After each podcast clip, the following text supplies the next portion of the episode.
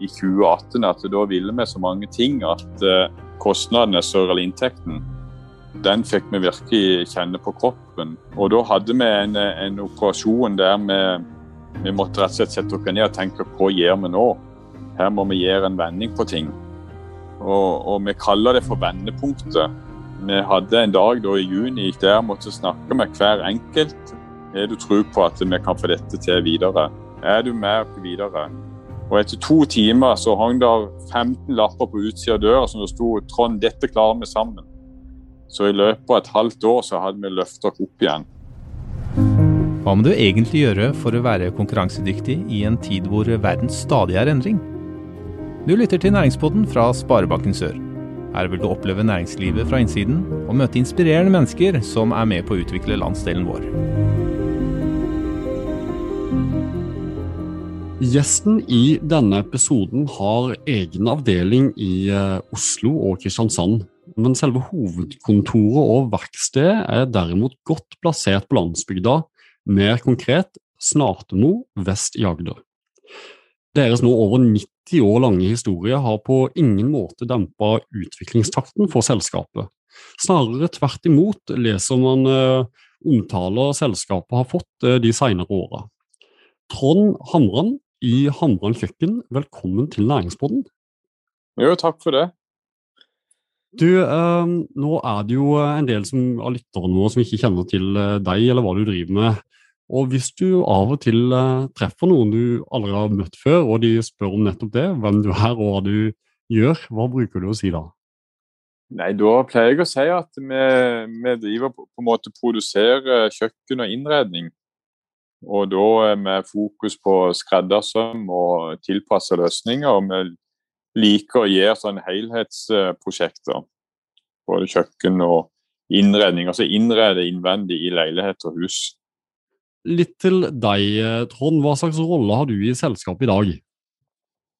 Altså, Jeg er jo tredje generasjon. Eh, det var jo bestefar som starta, og så fortsatte far min. Og så overtok her for en eh, ja, ca. 20 år siden. Eh, og jeg har vært daglig leder i de fleste av de årene, men i dag så er jeg ikke det. I dag er jeg eier og styreleder, og så er min hovedoppgave er salg og jobbe fram løsninger for kunder.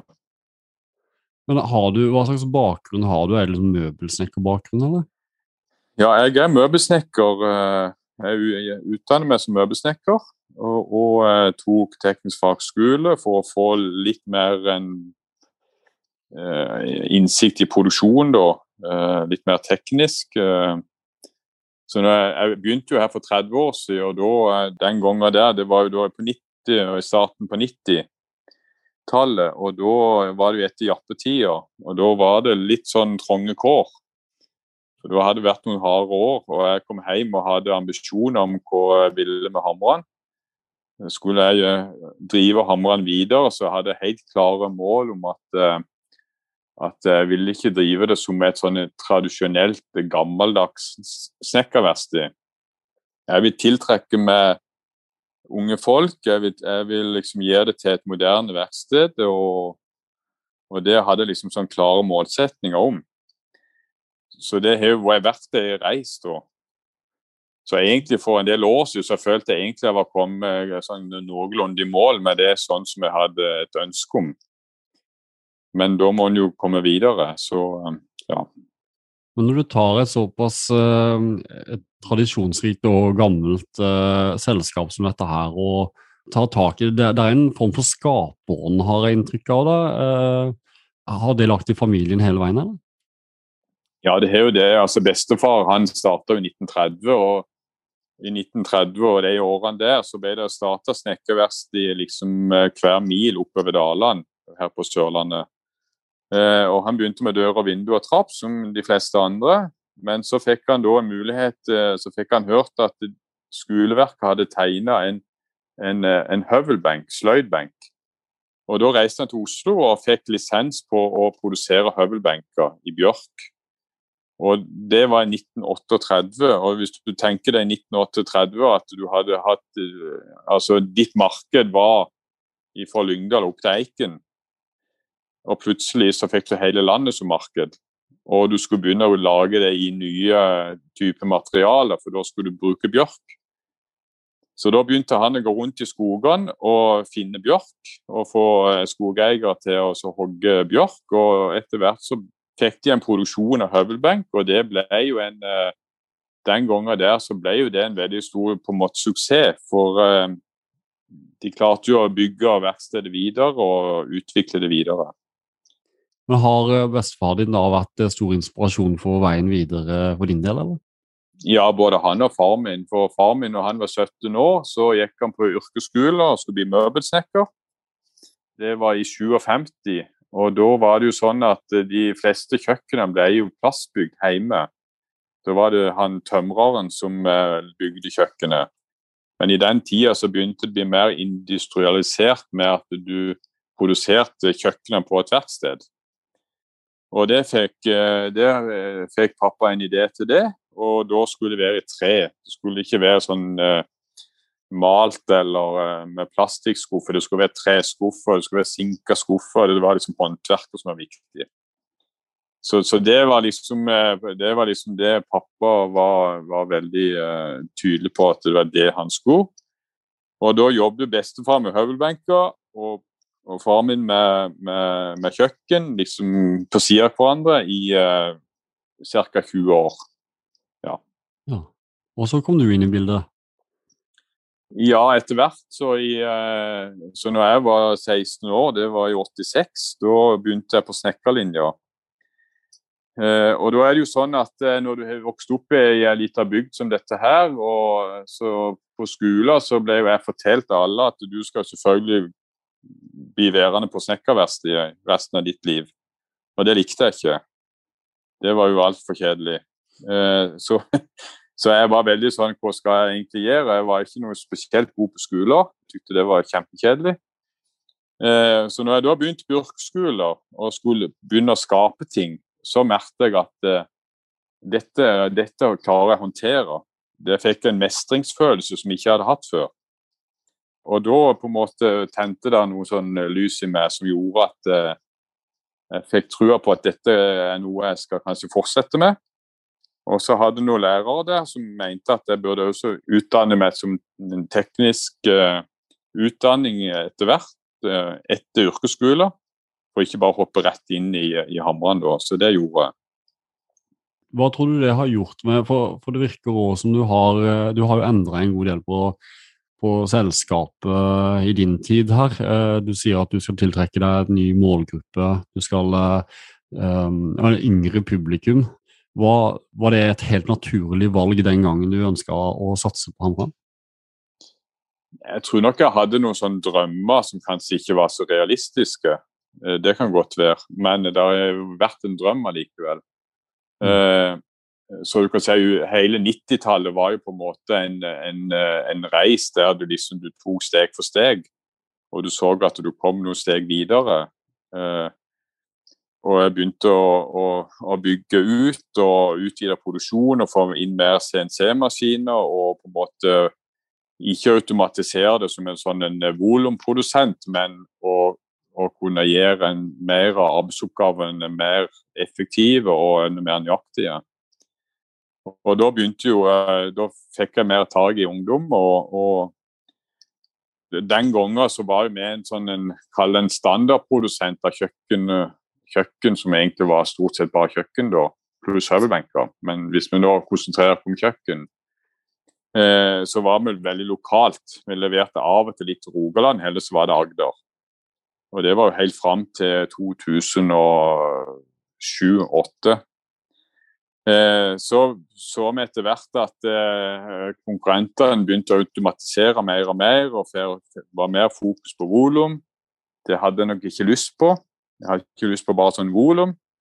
Vi tok et valg at vi skal konsentrere oss om skreddersøm. Altså Dvs. Si å jobbe mer med arkitekter og med individuelle løsninger for hver enkelt kunde.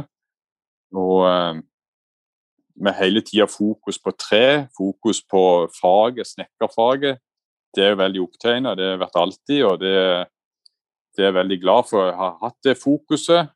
For med svennebrev, altså at du er lærling og tar svennebrev. altså liksom Hele den fagkunnskapen er jo viktig for, for, eh, for vi som produserer i Norge, å ha den kunnskapen, at vi tar vare på den og utvikler den videre.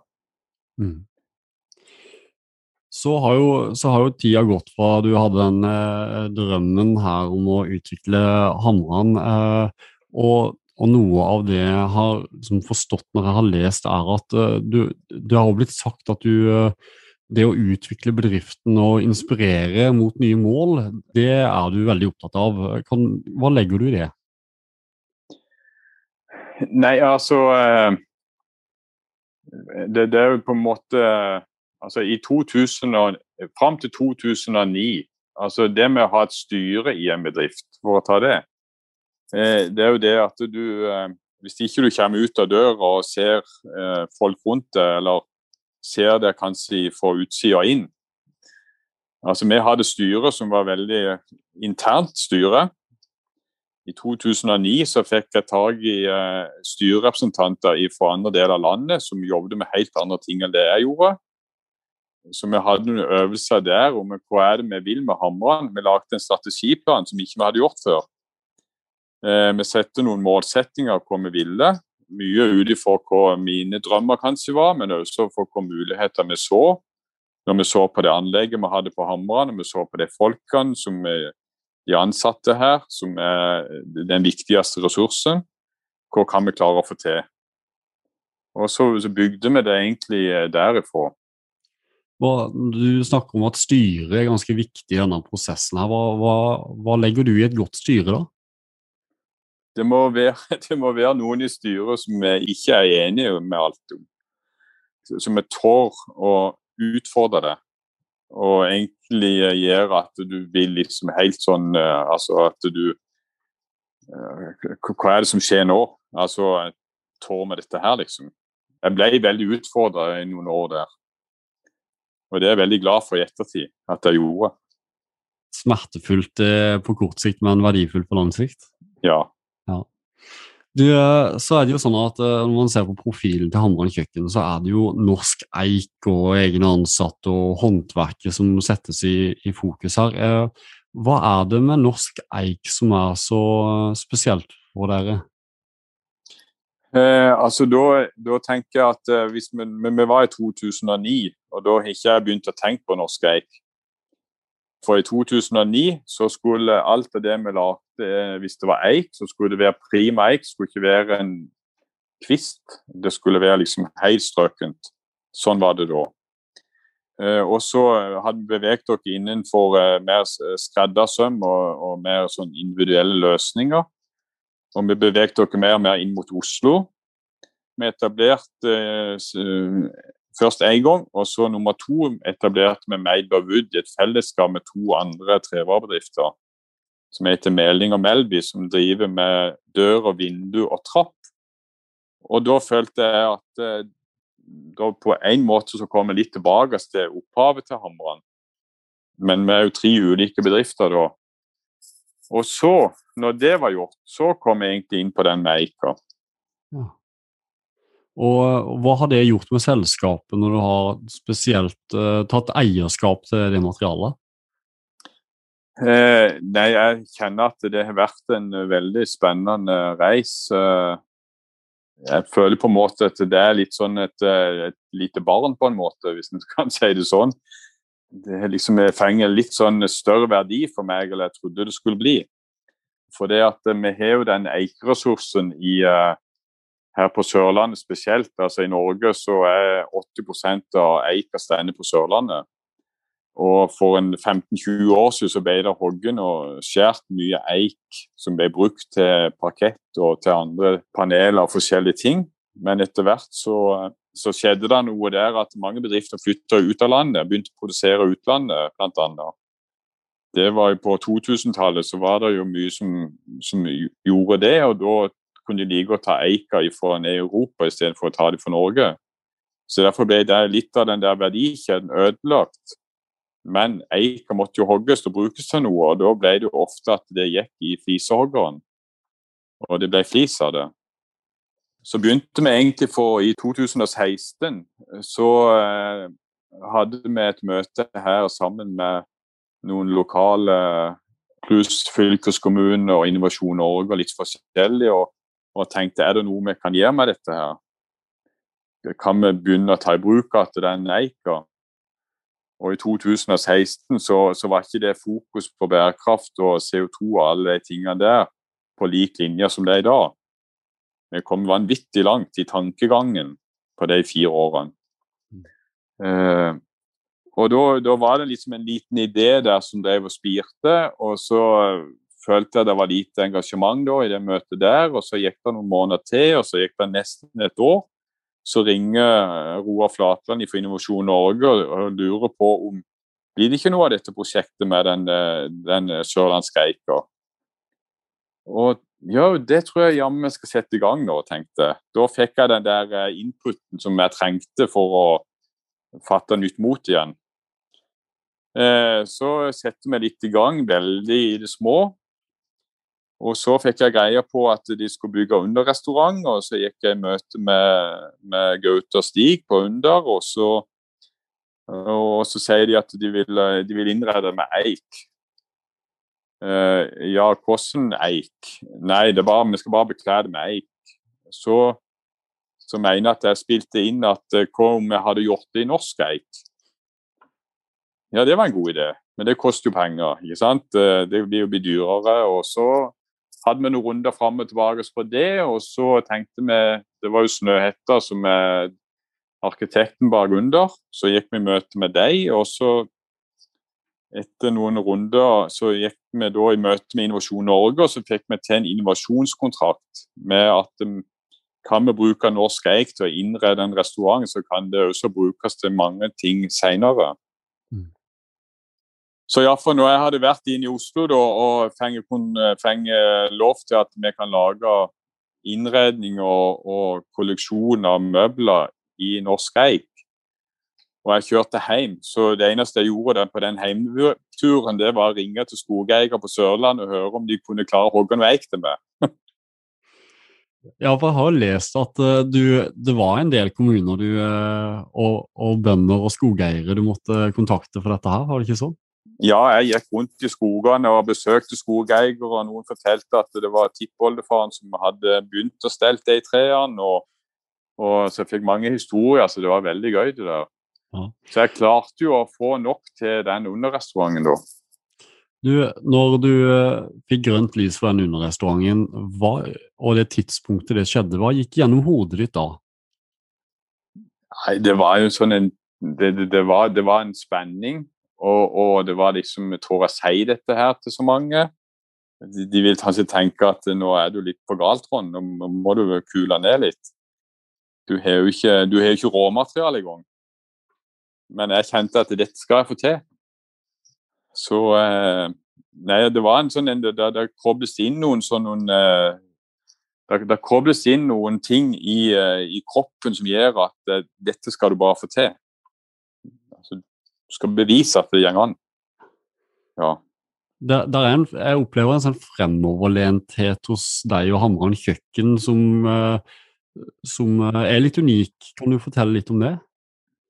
Ja, vi har jo et, eh, et, har jo et veldig godt samhold i, eh, i, eh, i på en måte bedriften her, føler jeg. Mm. Vi er en veldig god gjeng, og, og vi, vi, vil det samme.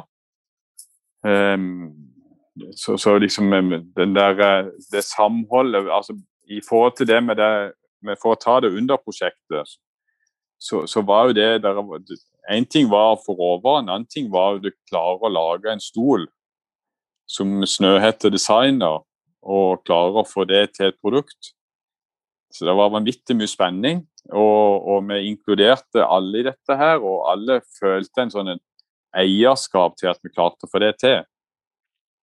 Hva ser du som viktig for å få alle i bedriften til å ta en del av det? Er det en sånn oppskrift av en slag? Jeg tror nok at hvis er som leder eh, på en måte ikke viste begeistring og på en måte fortalte litt om hva kan dette gjøre for oss på sikt, eh, altså på en måte den, den der skaper den begeistringa, Det tror jeg er viktig. At vi den gangen jobbet med noen av verdens beste arkitekter. Med en restaurant som er helt unik, som er liksom Ville sannsynligvis få mye omtale, som det da gjorde. Å være med på noe sånt er liksom jo en gang du får lov til det. Ja. Og mm. jeg brukte mye tid på å fortelle de tingene der. At vi, vi, kan bare si nei. Men, men altså, vi må gjøre det, da. Vi må ikke gjøre Dette er jo spennende, dette er noe gøy. det er liksom Du kan fortelle at dette har vi vært med på. Ja. Så, så, er det jo sånn at uh, når jeg hører under du uh, her og leser at dere har fått en rekke omtaling i medier og fagblader, ikke bare lokalt og nasjonalt, men også internasjonalt. Det er jo ikke sånn at uh, det ikke er problemer for det. Har, det bare vært en dans på roser, eller er det hele veien her? Eller kan du fortelle om et eksempel hvor det har gått litt uh, ordentlig galt? Ja. du kan si med å lede en bedrift, det er jo det er mange sider med det, men når du gjerne er en person som gjerne vil mange ting, og når du da vil mange ting på med nesten samme tida, så fikk vi jo den da i, i 2018 at da ville vi så mange ting at kostnadene større enn inntekten. Uh, og den fikk vi virkelig kjenne på kroppen. Så jeg vet ikke helt hvordan jeg skal riktig si det, men, eh, men det, det, var jo sånn at vi hadde starta kontor i Oslo. Vi hadde overtatt en bedrift her i området som vi også hadde litt produksjon i. Og vi hadde ja, vi satsa på alle bauger og kanter, og pilen pekte oppover. Men så så vi det at uh, oi, her må vi kule ned litt, for nå går kostnaden overhånd. Og da hadde vi en, en operasjon der vi, vi, måtte rett og slett sette oss ned og tenke hva gjør vi nå? Her må vi gjøre en vending på ting. Vi måtte se på kostnadene, og, og, og vi kaller det for vendepunktet. Eh, vi hadde en dag da, i juni 2018 der vi der måtte snakke med hver enkelt. Vi kommer feil ut her. Eh, kostnadene er så store at vi har et stort underskudd, som vi hadde den gangen. Vi er nødt til å snu det. Er du med oss videre? Har du tro på at vi kan få dette til videre? Og jeg hadde sett et mål om at uh, jeg ønsker at uh, dere kan bidra et par timer ekstra i vika uten betaling. Eh, jeg snakket med leverandører som eh, var med på å, å gi litt ekstra rabatter i en periode. Og andre som bidro på forskjellig vis. Og jeg følte det var en sånn en, det var en, et, et, tog av, av, både de ansatte og leverandører, og totalt sett som var med til å løfte oss opp av det. Så i løpet av et halvt år så hadde vi løftet oss opp igjen. Så det, det, er en, det, er en, sånn fantastisk historie. For når den dagen jeg satt med, med hver enkelt Jeg hadde sagt eh, jeg skal ha ti minutter med hver av dere. Og etter to timer så hang det 15 lapper på utsida av døra som det sto 'Trond, dette klarer vi sammen'. Og, og forskjellig sånn, eh, Så det er et bildet har jeg, og det skal jeg ta godt vare på. Så det var, det var en fantastisk dag sånn sett at Ja. Hva, på den tida, eh, hva, hva gjorde det med deg som leder, da? Ja, jeg vet ikke helt hva det gjorde, men uh, jeg kjente at det, jeg, ble veldig glad for uh, ja, altså det, var en sånn, det var en glede, og jeg fikk en veldig energi ut av det. Sånn sett i etterkant har det Du har jo referert til dette som eh, de kaller det vendepunkt i 2018. Uh, hva, ja. hva, har dere, dette her gjort med bedriften og valget dere tar i etterkant? Har dere lært noe av det? Det har vi lært av, ja. Vi har jo lært å ha en mye bedre økonomisk styring og kontroll på kostnadene. Kontroll på inntekten kontra kostnad. Uh, det er klart det er ikke så lett for en på økonomi å styre en som kanskje en person som er, som på en måte kan flakke litt sånn, ikke sant, og har mange ideer. Eh, så vi, har grundig gjennomgang av ting før vi setter i gang. Altså analysere eh, risikoen på en annen måte enn jeg gjorde for noen år siden. Riktig. Ja. Du, uh, vi, vi, går over til et helt annet spørsmål. For det, du har jo nå opparbeida deg god kompetanse på det å drive selskaper og være med å utvikle selskaper. Og så skal det jo legges til som noe vi ikke har snakka så veldig mye om, men dere holder jo til Hovedkontoret er jo på Snartemo vest i Agder, på landsbygda. Hvordan har det vært å utvikle et selskap eh, i Distrikts-Norge, da, kan man kalle det? Ja, jeg er veldig glad for at vi holder til på, på, på bygda. Eh, jeg tror det hadde vært mye vanskeligere å være i en by, men det er sikkert fordi jeg er veldig sånn patriot av landsbygda, og at det må, være en, det må være ting som skjer på bygda. Det kan godt være det.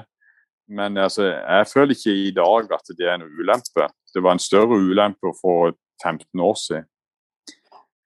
Og, og, på en måte du er mye mer tettere på kommunen, ordfører, ikke sant. Altså du, du føler at du, du, har et tettere bånd, mindre forhold.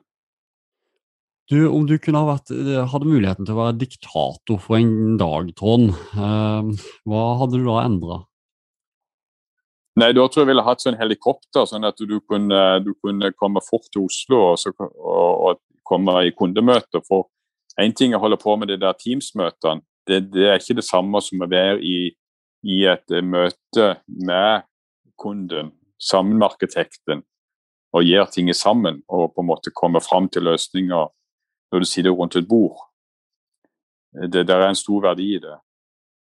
Så det med den reisa, men den er blitt mye kjappere nå med de nye veiene. Men, eh, men eh, det tenker jeg at da kunne vi hatt en mye sånn kjappere transportetappe. Mm.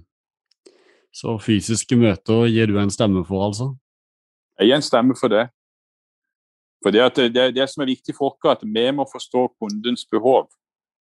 Vi, vi, kan jo lage mye rart, men vi må forstå kundens behov. For kunden skal jo vi lager jo ting som skal vare i mange, mange år. Og da må vi altså Oppgaven vår er å klare å treffe på funksjon. Designet skal passe til leiligheter, til, til huset.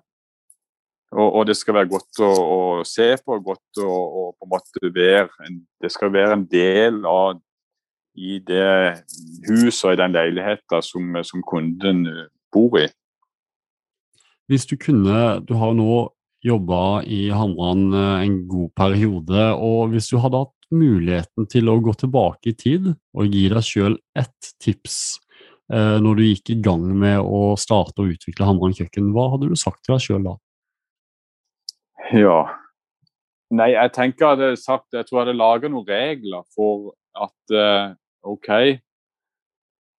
Skal jeg bruke så mange timer hver uke i 30 år? Da hadde jeg tenkt at det er ikke det jeg har lyst til. Jeg har lyst til å kanskje bruke litt færre timer i uka, eh, og så heller bruke litt mer tid privat. Det tenker jeg hadde vært det nok den Jeg kjenner på det er den største utfordringa. Jeg føler jeg til tider bruker for mye tid på dette i forhold til det livet vi lever. Ikke sant? Vi har de timene vi har. Eh, og hvor mye tid har jeg brukt de siste 30 årene på jobben kontra andre ting, så har jeg nok brukt for mye tid på, på jobben og det, det jeg har holdt på med her.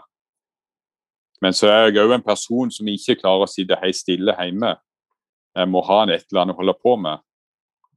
Så du kan jo like godt uh, drive med hammer kjøkken? ja, men jeg kunne godt holde på med noe annet òg. Men uh, nei, altså, det, det, er nok den som er kanskje den som jeg ville gjort om litt på. Ja. ja. Så det å se lange serier på Netflix er kanskje ikke noe for deg? Det er ikke noe for meg, nei. nei. du, uh, Men jeg føler, det er, jeg føler egentlig med, Det er en ting som jeg har lyst til å si litt mer om, hvis det får lov. Ja. Og det er det at det er, det er noe som heter tida etter under. Ja, men det var jo i 2019 vi var ferdig med det. Og da har vi jo, eh, og, og, og da har vi jo klart å så um, Altså, da var det den uh, I forhold til den norske eika, da. Uh, og den har vi utvikla videre nå, så nå har vi jo sammen med, med en her lokalt starta et, eh, et sagbruk.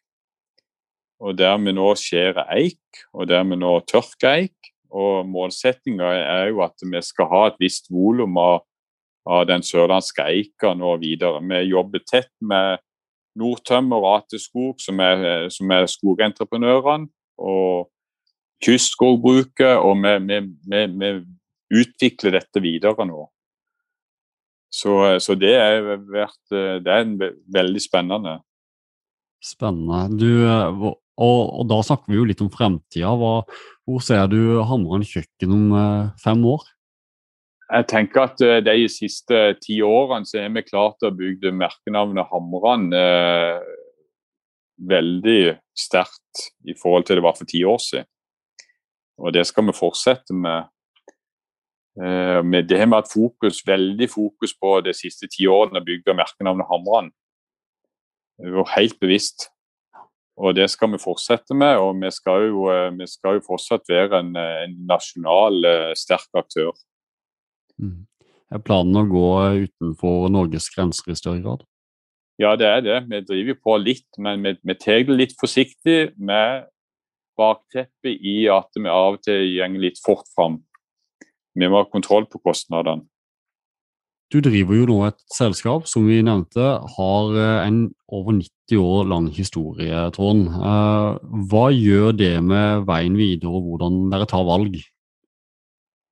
Ja, altså eh, på en måte Historien er jo viktig for oss. Vi har jo bygd om litt i, i showrommet her på Hamran nå i, i, dette, eller i 2020. Og Høvelbenken, som bestefar startet med i 1938, den har fengt hedersplassen. For den produserer vi fremdeles. Og der vi produserer høvelbenken, setter den sammen, der har vi satt inn et stort vindu. Så når du kommer til Hamran, når vi blir ferdig med dette nå utover våren, så, så kan du se rett inn til der vi produserer høvelbenken. Og høvelbenken har samme design som i 1938, det er et ikon. Eh, så vi håper jo at det ikonet høvelbenk det, det, det, Kanskje det skal blomstre opp igjen. Det er liksom en liten drøm en har da. Eh, eh, men, men, historien er viktig for oss. og Når vi snakker med kunder og er i møter rundt forbi, så, så er vi opptatt av å fortelle om historien. Den er viktig. Den er viktig for kunden. Den er viktig for de ansatte. Der er en historie bak. Og apropos den historien, vi, vi kan jo uh, Jeg vil bare snakke litt om gründerånden, egentlig. For i 1938 uh, eh, Det er jo ikke like vanlig kanskje å gå fra, uh, fra landsbygda inn til store Oslo for å få en stor kontrakt om en høvelbenk. Det, det er en gründerånd vi snakker om her, er det ikke det? Ja, det er en gründerånd, og jeg har tenkt på det mange tider. at okay, Vi er jo, er jo, veldig stolt av under at vi gjorde det i, 19, i 2019. Men jeg tror faktisk med å reise inn til Oslo i 1938 med å begynne å produsere høvelbenk for hele landet var en større bragd. Jeg tror faktisk det. Artig. Ja. Kan du ikke fortelle gjennom tida du har vært, uh, fortalt om nå, hva er du mest stolt over? Jeg er mest stolt av alle medarbeiderne på Hamran. For det, er, det er den absolutt viktigste ressurs. Og jeg er stolt av at, eh, at, de eh, ja, at de har lyst til å jobbe her. At liksom de vil bruke sin arbeidsinnsats på Hamran. Uh, og jeg tykker det er veldig gøy at vi, vi har vi er jo ca. 35 ansatte, og uh, 30 godt og vel er damer i en trevarebedrift. Det tykker jeg er veldig gøy. Det er stort. Og da på landsbygda. For det er på landsbygda så er jo stort sett kvinnelige arbeidsplasser er jo mange timer kanskje offentlig, uh, den type ting, men her er det jo design og og tegning, og, og også produksjon. Ja. Artig. Du, og så er jeg stolt av, så er jeg stolt av alle sendebrevene som er blitt eh, tatt her opp gjennom årene. Stolt av at jeg har en lærling fra Nesodden som flytter ned her for å, å ha læretid på Hamran. Mange ting. og så det siste, det er jeg veldig stolt av at vi etter 90 år valgte at vi har en kvinnelig eh, daglig leder på Hamran. Olaug Sofie Telhaug som er daglig leder. Det er jeg veldig stolt av. Artig. Mm. Du, eh, La oss si at det er noen eh, lyttere av podkasten her som bor kanskje i distriktet, eh, og som blir inspirert av historien du forteller her, Trond. Har du, og tenker at ok, jeg skal jo jammen bygge mitt eget selskap, eller har et selskap de ønsker å videreutvikle. Har du noe, et tips til dem? Ja eh, Jeg tenker det, det, det, det, handler jo litt om disse drømmene, ikke sant. Eh, men så drømmer er jo liksom en sånn Ja, hva er det, liksom? Men altså, det er jo av og til Har du en sånn en indre drøm om noe du har lyst til å skape, så jeg begynner å tenke noe mer på det. Del det med noen, snakk med noen som eh, du tror kan ha noe å gi det. Så er det ikke sikkert det blir akkurat sånn som du hadde tenkt, men, men at uh, ikke bare gå med det inni det, ikke vær så redd for at kanskje noen andre kan snappe det før du kommer så langt. Men, men altså på en måte få noen rundt deg som kan være med og backe deg litt opp. For Av og til så er det de der små tingene du trenger, som når han Roar Flatland får innovasjon og ringer etter ett år. Når jeg nesten hadde gitt opp og sier kjem da, skal vi ikke i gang med dette her. Det Den trengte jeg da. Ja. Riktig. Du, um, Godt tips der, altså. Uh, men nå til sist Vi begynner å nærme oss slutten her av næringspodden. Og i og med at vi kaller det næringspodden, så har vi alltid et uh, fast spørsmål på slutten. Og det er hva gir deg næring og inspirasjon i hverdagen? Det er når jeg ser et produkt som vi har levert, om jeg ser bildet eller ute på byggeplassen og ser det vi har faktisk klart og skapt her på Hammeren. Først har vi kanskje tegna det sammen med arkitekt. Og så har vi faktisk produsert det, og så har vi kjørt det ut til byggeplass. Og så har vi kanskje heist opp i sjuende etasje, og så har vi montert det. Og så er kunden øh, veldig fornøyd. Og deler det på sine, i sine omgangskrets og i sine medier. Da føler jeg da har vi gjort noe rett. Ja, for Kundene er såpass fornøyde her at de eh, deler eh, bilder gladelig på sosiale medier? Ja, de gjør det. De gjør det. Et kvalitetstegn der, altså. Du, eh, Trond, dette her har vært veldig eh, interessant og inspirerende å høre historien din i Næringsboden, så tusen hjertelig takk for at du eh, deltok. Ja, det var veldig gøy. Takk i like måte. Det var veldig gøy. og... Eh, jeg syns det er gøy å fortelle om disse tingene, som du kanskje merker. Så takk for at jeg fikk lov til å være med. Du lyttet nettopp til Næringsboden av Sparebanken Sør. For flere episoder, gå inn på sor.no. slash podden. Her kan du gi ris eller ros, samt tips til andre næringsdrivende vi bør intervjue.